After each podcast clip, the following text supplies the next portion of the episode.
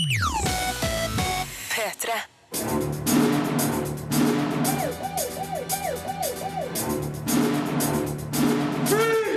Filmpolitiet! What's your name, dude? Birger Vestmo. What kind of stupid name is that? The Amazing Spider-Man 2 fortsetter i det solide sporet fra eneren. Valesa er en god polsk historieleksjon med noen rare virkemidler. De umoralske er en outsiderfilm som ikke overbeviser, og Venus in Fur er en interessant teaterleik fra Roman Polanski. I denne sendinga skal vi òg servere førsteinntrykk fra det kommende storspillet Watch Dogs for PlayStation 4. Sven og Tete fra P3-podkasten Heia fotball skal avsi dommen over det nye spillet 2014 Fifa World Cup Brazil. Og du får høre om motorsykkelspillet Trials Fusion er like bra som sine forgjengere. Filmpolitiet. Filmpolitiet anmelder film. The Amazing Spider-Man 2. You know what it is I love about being Spider Man? Everything. Da Sony Pictures resirkulerte Spider-Man bare fem år etter den forrige runden, tvilt mang. Men eneren var god, og oppfølgeren fortsetter i samme solide spor. Den når ikke helt opp til Marvels egne heltefilmer, men har svært sympatiske Andrew Garfield og Emma Stone i hovedrollene. En historie om å finne ut av seg sjøl, samt et arsenal av digitale leketøy å lage effekter med. Dersom det er alt du trenger, er The Amazing Spider-Man 2 et godt tidsfordriv. Det skjer forholdsvis mye i denne filmen. Forholdet mellom Peter Parker, spilt av Andrew Garfield, og Gwen, spilt av Emma Stone, får seg en knekk. I Oscorp blir Max, spilt av Jamie Fox, utsatt for en ulykke som forvandler han til den strømførende Elektro, mens det samtidig foregår en maktkamp mellom arvingen Harry Osborn, spilt av Dane DeHaan, og styrelederen Donald Menken, spilt av Colm Fiore. På toppen av det hele forsøker Peter å finne sannheten om sine foreldre. I once told you that secrets have a cost. The truth does too. My name is Richard Parker. Det er mye historie som skal presses inn mellom actionsekvensene, sjøl om filmen varer i to timer og 20 minutter. Av og til må det gå så fort at de ulike elementene blir litt overfladisk behandla. Max sin forvandling fra anonym arbeider på gulvet til rasende strømskurk kun trengt noen flere volt. Forholdet mellom Peter og Harry Osborn hadde trengt flere nyanser for å fikse overgangen fra vennskap til fiendskap. Men det skal filmen ha. Den kjeder i hvert fall aldri. Regissør Mark Webb greier å veksle fint mellom de dramatiske elementene og eksplosiv action. Jeg liker Andrew Garfield veldig godt. Den britiske lurveluggen er om mulig enda mer sympatisk enn Toby Maguire var i samme rolle. Storøyde Emma Stone gir han vektig motstand, sjøl om hun ender opp som klassisk damsel in distress, dama som helten må redde. Jamie Fox får ikke helt tida han trenger til å sette figuren Max, men hans digitale strømversjon er i hvert fall imponerende skapt. Se ellers opp for Dane DeHaan, kjent fra Chronicle og Lawless, som gir Harry Osborn den perfekte fasaden, der man instinktivt forstår at galskapen ligger på lur. Not everyone has a happy ending. The Amazing Spider-Man 2 byr på mange spektakulære actionscener. Blant annet krasjes det omtrent like mange politibiler her som i The Blues Brothers. Kampen mot Elektro byr på heftige slag, som annet går hardt utover Times Square. Luftige svev mellom skyskrapere gjør at det kiler i magen ved flere anledninger. Eneste innvending her er at Spiderman er åpenbart digitalt animert, og det synes litt for ofte. Ellers er det her en morsom og leken heltefilm som det ikke gjør det minste vondt å se. Terningkast fire. Filmpolitiet anmelder spill. The heart of America. Feels like somewhere it must have skipped a beat. People haven't changed, but now everybody's broadcasting. And once you've seen it, all of it, how do you look away? Ja, det her er lyd fra det etterlengta PlayStation 4-spillet Watchdogs, som har release 27. mai. To av Filmpolitiets medlemmer har allerede testa spillet, nemlig Marte Hedenstad og Rune Håkonsen. Marte, du prøvde det i fjor høst. Ja, stemmer det. Under Gamescom-messa i august så fikk jeg en, en bitte liten smakebit på Watchdogs. Ca. en halvtime eh, spilletid der. Og Rune, du eh, fikk eh, prøvd det her i Paris nå nylig. Og fikk litt mer tid med det. Og det som er interessant, er at spillet ble jo utsatt i eh, november i fjor på ubestemt tid, rett før lanseringen av PlayStation 4-konsollen. Ja. Eh, tiden eh, som har gått fram til nå, da den endelige faktiske lanseringsdatoen, så har de brukt eh, eh, mye tid på å rett og slett pusse på hele spillopplevelsen. Det er veldig tydelig nå at det er en, eh, et spillselskap som, som satser stort på at dette blir en av årets eh, store salgssuksesser, rett og slett. Hvilket inntrykk fikk du eh, i november eh, da du sjekka ut eh, spillet, Marte? Ja, I august var det, August, så det er jo en god stund siden. Men jeg ble veldig imponert da. Selv om det var en veldig kontrollert setting jeg spilte spillet i. Det var en veldig sånn satt liten sånn område jeg skulle gjennom, og en liten historiedel jeg skulle gjennom. Ja. Um, men jeg ble jo veldig imponert over den sømløse flerspilleren. At noen plutselig, uten at jeg visste det, da, kunne hoppe inn i mitt spill som en overraskelse og hacket meg. Det, det husker jeg ble veldig imponert over. Og, og nettopp hackingen er jo det sentrale delen av, av spillet Watchdogs. For her ø, forteller de en historie om en by under totalovervåkning. Og det er jo noen interessante paralleller til NSA-avsløringene og Edward Snowden-avsløringene på hvordan informasjonssamfunnet har eh, virkelig tatt over våre liv. Kanskje på en måte vi helt ikke selv vet. Og det spennende nå, i hvert fall i løpet av de fire timene jeg fikk spille Watchdog, så, så er det tydelig at det er en historie de har lagt veldig mye vekt på at skal fungere, og at spillets eh, mange elementer også skal harmonere med nettopp denne informasjonskulturen og hackekulturen. Så mitt førsteinntrykk nå er jo at de har klart å, å, å forme en, en god og moderne cyberpunk-historie. Eh, En sjanger som kanskje har vært eh, litt brakk de siste årene, rett og slett. Men virker Watchdogs som et spill vi har lyst til å sitte i sofaen og bruke flere timer på, Marte? Ja, jeg synes det. Jeg, jeg har gledet meg veldig mye til det spillet her. Og eh, nå er det jo ikke veldig lenge igjen til vi får faktisk teste det skikkelig. En knapp måned, bare. Eh, en knapp måned, Så jeg tror det kommer til å bli stor stas for min del, i hvert fall. Mm. Rune, hva tror du? Ja, de som, har hatt, eh, de som ble skuffa da når spillet ble utsatt i november i fjor, kan fortsatt holde forventningene høyt oppe. Etter alle solmerker og det jeg har fått teste, både av flerspiller- og enkeltspillerdelen og historien, så innfrir det på, på mange punkter.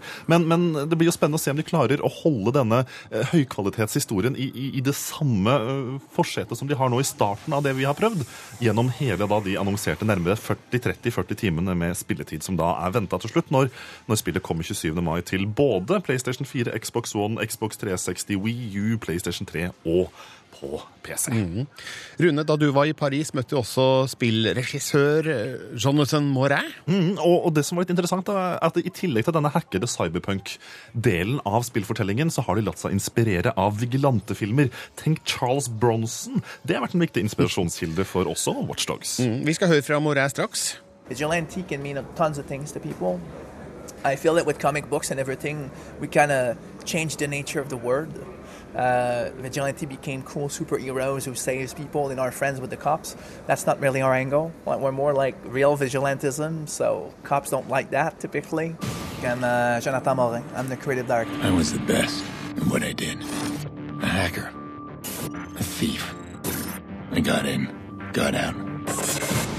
No one got hurt. and uh, there's a more big deal to having a gun and shooting bullets in the streets. So I think it's important to to strike that really, really early, so that people then they go in the world with a gun and with a lot of powers eventually, with a very different sense of how they're going to interact with their surrounding. If we can talk a little bit about the game world, it's huge. It has a lot of people, and they're all individuals Yeah. in a way. Uh, how did you go about to to use this world to to create this vigilante story? There's uh, uh, the, the world has a big role to play because uh, there's kind of a duality going on in the game. There's Aiden Pierce's story, which is a, a vigilante story, like in the sense that he needs to solve his problem by himself, type of thing. Uh, but then he uses his obsession and his know-how to, to solve that, which explodes into you know monitoring and controlling everybody uh, around you. And this is where the player comes in. Now, the player through those tools feel similar temptation, and the world become that temptation. It's like, oh my God, who's that guy? Oh, I can act his phone conversation.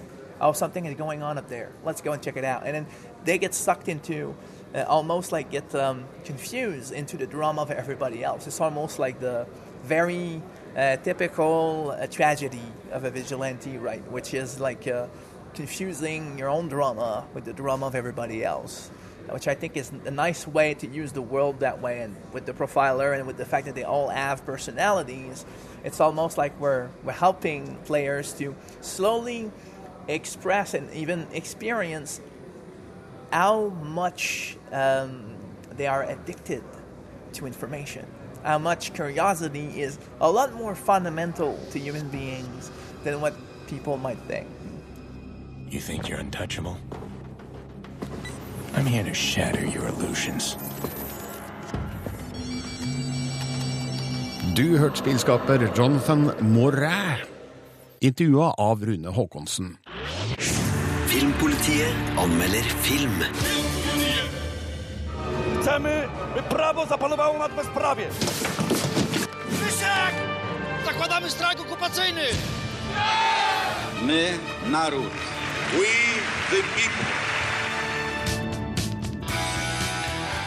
Ja, det her var litt lyd fra premierfilmen Valesa, Håpets mann. Og den har du sett, Marte Hedenstad. Ja, det stemmer det, Birger. Og det her er jo da en, eh, en historisk dramafilm om eh, Lech Walesa. Og det er en mann veldig mange vet godt hvem er, men det fins også de som aldri har hørt om en Ja. i vår målgruppe. Absolutt. Eh, Lech Walesa det er jo eh, mannen som sørga for at eh, Polen fikk sin første frie fagforening. Og han endte også opp med å få en Nobel fredspris for måten det ble gjort på. Kjempe for frihet uten vold. Mm. Og han endte også etter hvert opp som Polens president. Så dette er en mann som har vært veldig, veldig viktig for polsk historie. Valesa er da eh, en eh, historisk eh, film på mange sett og. Eh, Er det et sånn sedvanlig drama, det her? Eh, på en måte ja, men på en annen måte nei. For det eh, regissør Andrzej Wajda har valgt å gjøre her, er at han blander eh, historiske klipp fra nyhetssendinger og sånne ting med fiksjonsklipp, altså med film, rett og slett. Ja, Litt sånn Forest Gump, da, eller? Ja, bare i enda større grad. Eh, I Forest Gump så klippa man jo inn eh, Tom Hanks ved siden av en president, men her så er eh, ansiktet til eh, Robert Wikiewicz, hvis det uttales riktig, eh, som spiller Lech Walesa, eh, rett og slett manipulert inn eh, på Lech Walesa sin kropp i flere nyhetsklipp. Ja, Og det her syns du er litt rart? Dette syns jeg er kjemperart. Eh, fordi at i, når det, dette, dette gjøres, så blir det svart-hvitt. ikke sant? Fordi det er jo gamle nyhetsklipp. Eh, og det, for meg så brøt det veldig med filmopplevelsen. Jeg sitter og ser en, en veldig interessant historie om denne mannens liv, og så plutselig så hopper vi over til et gammelt filmklipp, og så er ansiktet hans på der, og så ble det veldig forvirrende, egentlig. Så eh, jeg syns ikke at det virkemidlet fungerte. Jeg vet at det er gjort for å gjøre filmen mer realistisk. Men jeg mener at det heller burde vært rekonstruert. Men får du et eh, godt innblikk i hvordan eh, Lech Walesas eh, liv og person var på den tida? Ja, absolutt. Og det som jeg syns er interessant, er at det, er ikke en sånn derre heltemodig fremstilling av denne mannen som vi ser her. Riktignok så, har vi ikke- så blir det ikke tatt for seg dette med Han hadde en litt sånn ja, kontroversiell eh, politisk karriere etterpå, eh, som vi ikke er med i denne filmen. Men eh, likevel så blir han ikke fremstilt som en, en ren helgen. Han var jo f.eks. Informant helt i starten for politiet. og, han, og måten han forsømte familien sin på til fordel for saken og sånn, kommer også godt frem her. Så det er en mann med mange sider og aspekter som vi får se. Og jeg må bare si at Robert Wikiewicz, han spiller helt utrolig fantastisk. Eh, Og han ligner ekstremt mye på Lech Walesa selv. Jeg, det var mange ganger jeg ikke klarte å se forskjell, faktisk. En ting til slutt, Marte. Hva er det vi hører i bakgrunnen? Eh, Du, hvorfor, ja. hvorfor hører vi polsk rock når vi snakker om filmen Valesa, Håpets mann? Det gjør vi fordi at lydsporet i denne filmen er veldig veldig bra. Eh, Gjennom hele filmen så er det henta musikk fra den tida vi befinner oss i, eh, og mye polsk punk, som jo hadde da selvfølgelig med politisk eh, budskap. Så eh, jeg syns det virkelig gjorde filmopplevelsen enda bedre. Det overraska meg litt, eh, fordi filmens regissør eh, Andrej Wajda er jo da 88 år gammel. Ja, han er en gammel kar, men han har da virkelig levd eh, gjennom denne perioden fra 1970 og oppover mot 80-tallet og 90-tallet eh, som skildres i filmen. Og, så han har jo da rett og slett valgt å bruke musikk fra den tida, eh, og det syns jeg er veldig tøft. Ja, Han er jo en av Polens beste regissører gjennom tidene og kan sitt fag. Og vel, eh, polsk punk, det er mulig han rocka til det i 1980? Kanskje det. Mulig det. Eh, og så til slutt, Marte Hedenstad, her er din karakter. Terningkast fire. Filmpolitiet anmelder spill. Clive Tilsley here. I have Andy Townsend alongside me for a, a group stage game. Three points at stake. Yep, three crucial points, Clive, towards qualification for the knockout phases. The American are bathed in sunshine. Conditions certainly look perfect. It's actually not too hot either, so it shouldn't affect the tempo of the game. And now the pre-match national anthems of Brazil and England. Sånn høres det ut i det nye spillet 2014, Fifa World Cup Brazil. Og for å anmelde det har vi henta inn herrene fra P3-podkasten Heia fotball, nemlig Tete Lidbom og Sven Bisgaard Sunde. Velkommen. Hallo! Heia fotball! Ja, dere er altså da fotballfreaks. Ja, det kan vi kalle det freaks, ja. Dere har spilt alle de foregående 40 000 Fifa-spillene. Og da er jo spørsmålet eh, Altså, er det her en remix av Fifa 14, eller er det noe helt nytt i vente her? Remix. Det er en god remix. Det, altså, det, det viktigste med sånne VM-spill er jo å få liksom VM-stemninga. Ja, ja, for det her er litt annerledes enn Fifa 14, 13, 12 osv.? Ja, altså, her er de, altså, vi skal jo til Brasil, eh, VM i Brasil i år. Og her har de bare klina på med masse farger. Fått på litt mer sånn arkadefølelse. Litt mer karneval. Det, ting er egentlig bare litt mer gøy. Altså, ikke så seriøst. Så stemningen er skrudd opp i forhold til de vanlige Fifa-spillene, Sven? Ja, det er mye mer fokus på sjølve VM. Eh, De har åpningsseremoni. Altså, du kan jo spille VM sånn som det vil være, da, med disse gruppene sånn som de er satt opp, og lagene sånn som de er satt opp. Så det er liksom fokus på ei turnering. Så sånn sett så er det jo litt, eh, litt smalere og litt mer sånn fokusert enn et vanlig Fifa, hvor du kan spille alt mulig. Men sånn gameplay-messig, da, er det same shit, slightly different uh, rapping? Nei, altså her også tror jeg må, så de har sett på det at det skal være i Brasil. Brasil er spektakulært, så gameplay-messig så det går, føles det som det går litt fortere, og skuddene er hardere. Altså, det det er bare litt mer spektakulært, eh, rett og slett. Men da, blir det også litt mindre realistisk, selvfølgelig. ja, jeg, jeg føler liksom litt at Jeg føler at grafikken den, Grafikken føles dårligere her. For det ser litt mer sånn Det er ja, litt mer glorete er farger. sånn, ja, det er litt mer sånn arkadepreg på spillet. Vanskelig å forklare det, men det, det ser egentlig liksom litt dårligere ut enn vanlig Fifa. Ja, Med vilje, tror du? eller? Ja, det tror jeg. Ja, jeg- men jeg tror faktisk det, altså. For det skal liksom være liksom den der eh, turneringsfølelsen, eller et, et eller annet. Det er party. Ja, Det er ikke et billigspill de har kasta sammen? Nei! Liksom, da.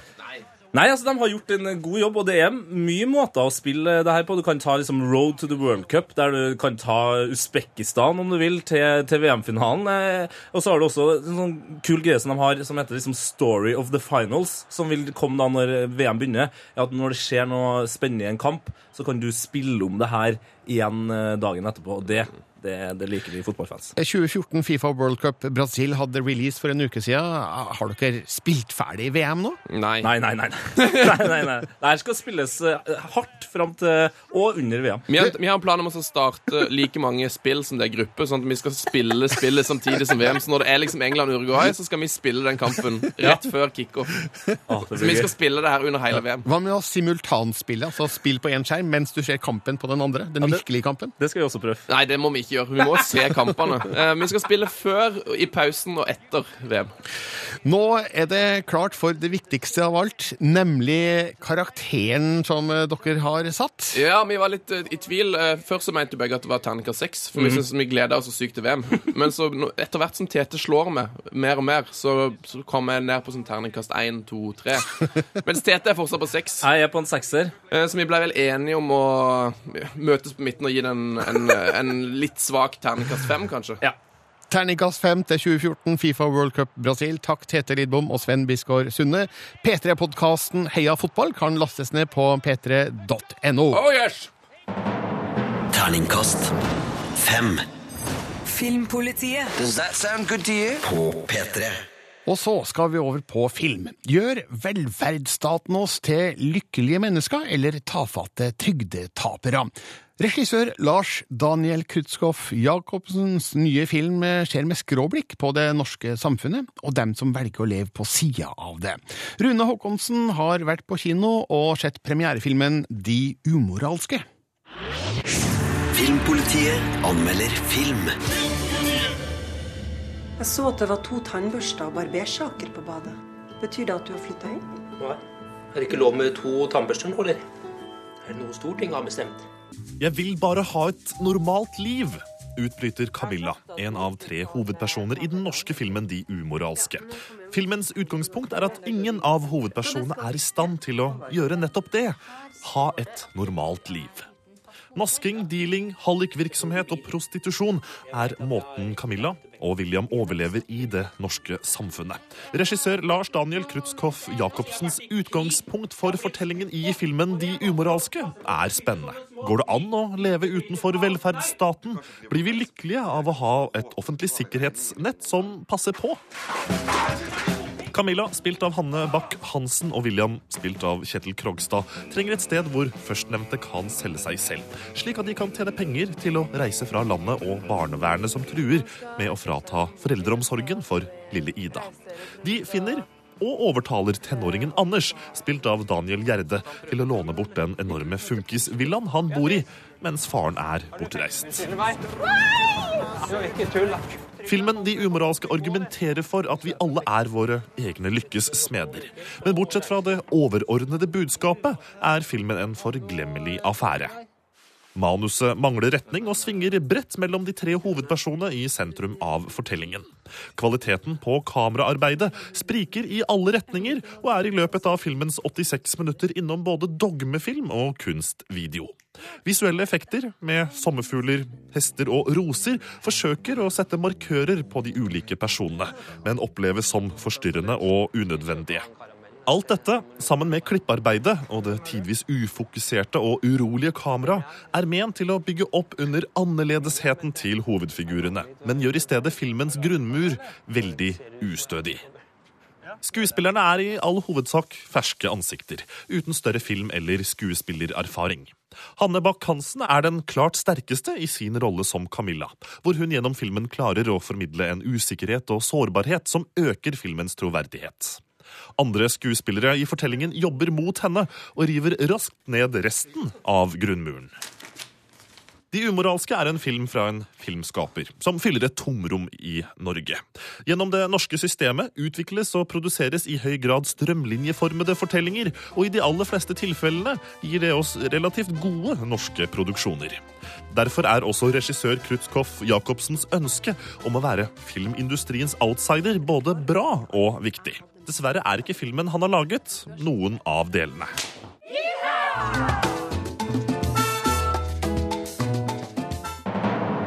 Terningkast to.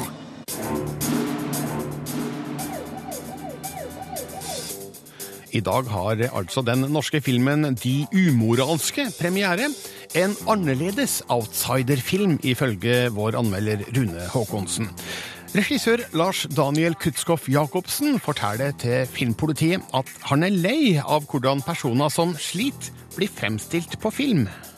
Det som er også annerledes med det umoralske, vår kjære lille spillefilm, er det at når du i norsk film, og nær sagt alltid ellers, i hvert fall i europeisk film, kanskje med unntak av, av Amerika Når du skal beskrive folk som sliter, så blir det veldig lett sånne hengehue, triste hengehuefilmer. ikke sant? Med trist, trist, trist fra ende til annet, alt er grusomt. Men, mens vi har laget en lett dans over helvetes avgrunn, da, så målet har også vært å prøve å lage en underholdende folkelig film om folk som er ko-ko. Identifiserer du deg noe med rollen ved å stå på sida av samfunnet, da? Av det etablerte velferdssamfunnet? Ja, altså Jeg har aldri klart å bli normal, selv om jeg har prøvd. Altså, jeg er jo veldig streit også, i den forstand at jeg, jeg er ikke flink til å tjene penger, men jeg klarer å bruke pengene greit nok, og jeg betaler regningene mine. Og så liker jeg faktisk å prøve å gjøre noe hver eneste dag, men, men jeg klarer aldri helt å bli helt normal. Dessverre. Jeg har prøvd. Fordi du vet ofte er jo sånn at sant, de normale, Anders og de, ikke sant, de vil jo veldig gjerne bli litt mer unormale. Vi, mens vi unormale vi vil jo gjerne bli litt mer normale. Fordi det er alltid litt grønnere på den andre sida. Men, Men jeg tror hvert menneske finner sin måte å leve på, som, eh, som Camilla William og, og den Anders-karakteren gjør de, de umoralske. De, de, de, har funnet sin vei og sin, sin, måte, og tror jeg dypest sett trives med det. Da. Hva ser du etter da i en, i en skuespiller når du uh, jakter eh, etter noen som skal fylle de rollene du har skrevet? Nei, enten at de er typete eller pene, da. Som jeg sier at at på film så må det enten være typete eller pen. da. Nei, det, det, har også noe med det at det er masse mennesker som er pene, for all del. Men du må ha et, et eller annet i øynene dine. En eller annen ild, eller en eller annen sorg, en eller annen smerte, en eller annen livslyst. Altså en eller annen form for galskap i øynene dine. Det er det som jeg syns er alltid det mest interessante. da.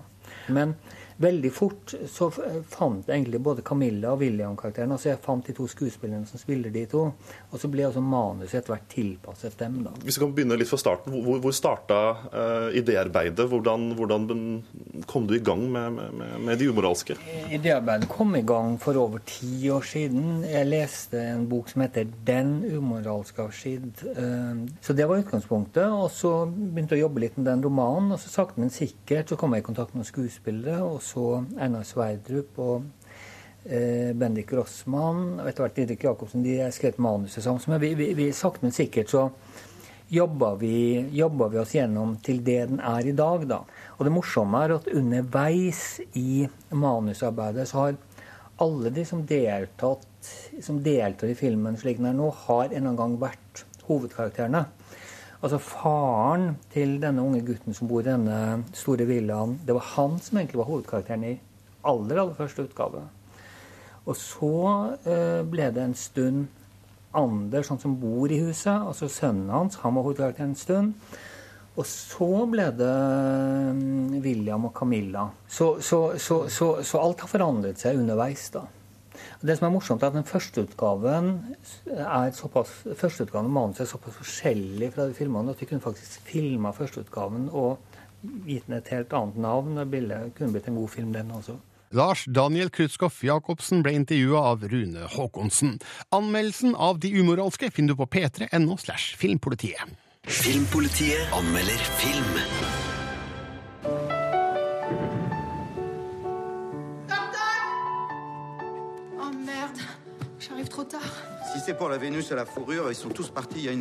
Regissør Roman Polanski inntar scenen med 'Venus i pels', en filmatisering av David Ives sitt teaterstykke om et teaterstykke.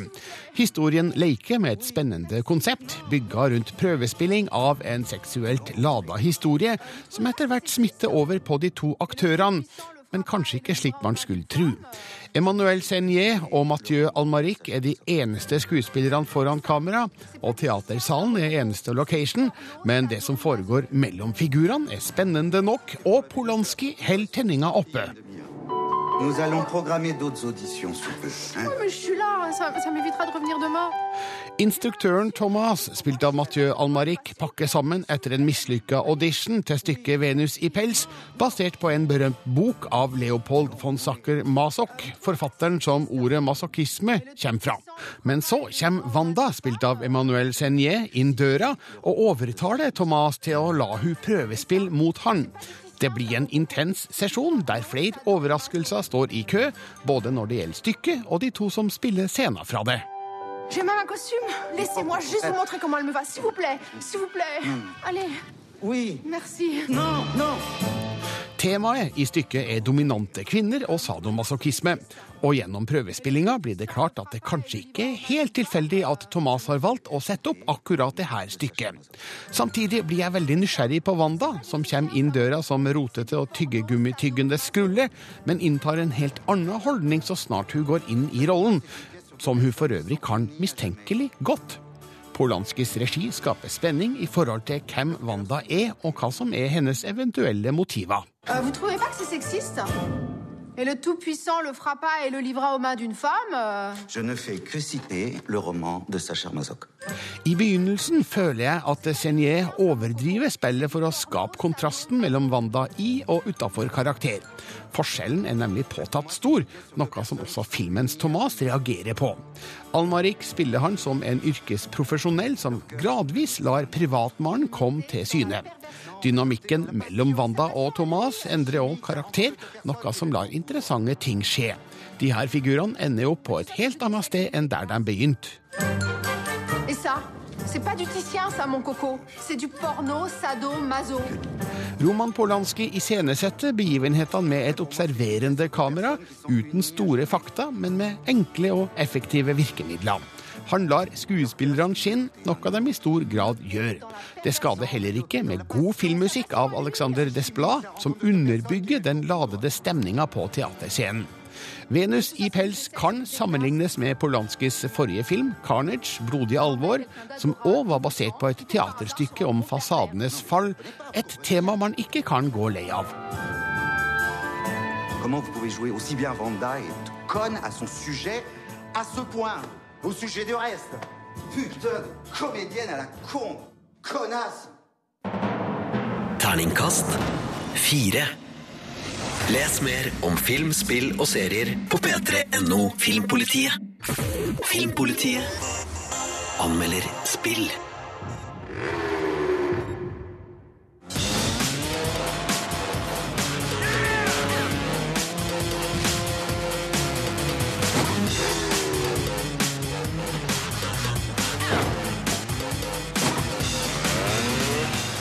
Ja, Som lovt er den Vrom Vrom og Trials Fusion, som nå er sluppet for Windows, PlayStation 4, Xbox 360 og Xbox One.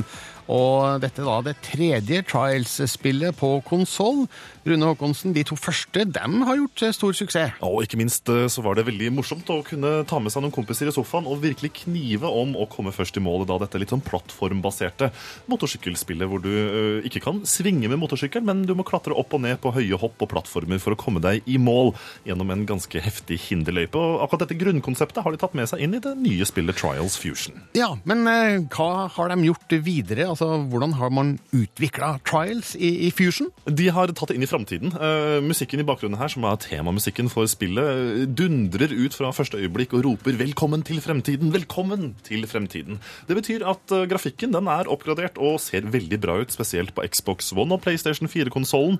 Uh, det samme er brettene, som er heftigere, høyere og morsommere enn tidligere. Men det gjelder kun hvis du er én person. Eh, ja. Ja, eh, rett og slett. Ja, men de, Nei, nå ble jeg forvirra her, for de første Trial-spillene var jo basert på å spille gjerne mot noen i Ja. sofaen. Eh, I Trials Fusion så er i hvert fall foreløpig online uh, flerspillerdelen, den nettbaserte muligheten til å spille mot andre på nett, borte. Uh, det samme er muligheten til å lage egne flerspillerbrett, for det følger da med en egen bane, uh, et baneverktøy hvor du kan skape dine egne baner og dele de på nett med andre. Men du har ikke muligheten til å lage flerspillerbaner. Det betyr at de 10-12 brettene som følger med spillet sånn det er akkurat nå, er alt du får. Og det, det, har- begrensa levetid, rett og slett. Jeg hadde med noen kompiser i sofaen for å teste det sjøl. Vi gikk lei i løpet av en halvtime, for det var ikke flere brett å utforske. Og det er et av de store problemene med Trials Fusion, at eh, det mangler litt på innholdsdelen, rett og slett. Eh, også muligheten da til å laste ned nye brett på nett. Denne funksjonen er ikke helt operativ ennå, så per dags dato så opplever jeg Trials Fusion som et skall, eh, hvor man kan fylle på med mer innhold etter hvert. Og dette vet jo da også selvsagt eh, utgiveren og, utgiveren, eh, utgiverne og utviklerne å, å benytte seg av. For når du kjøper spillet, får du også muligheten til å betale da dobbelt pris.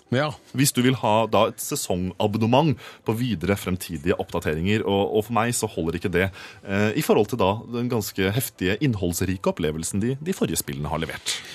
Ja, Nå ble jeg litt nedstemt, for nå skjønner jeg at eh, karakteren på Trials Fusion eh, det blir ikke helt i toppsjiktet, akkurat. Trials Evolution, som eh, kom for to år siden, ga jeg en terningkast fem. Denne gangen så får Trials Fusion Terningkast tre.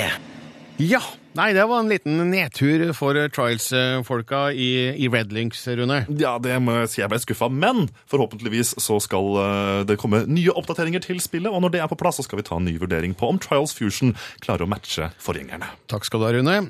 Det er straks The End for eh, Filmpolitiet. Jeg heter Birger Vestmo, ønsker deg en herlig fredag og en god helg. Filmpolitiet.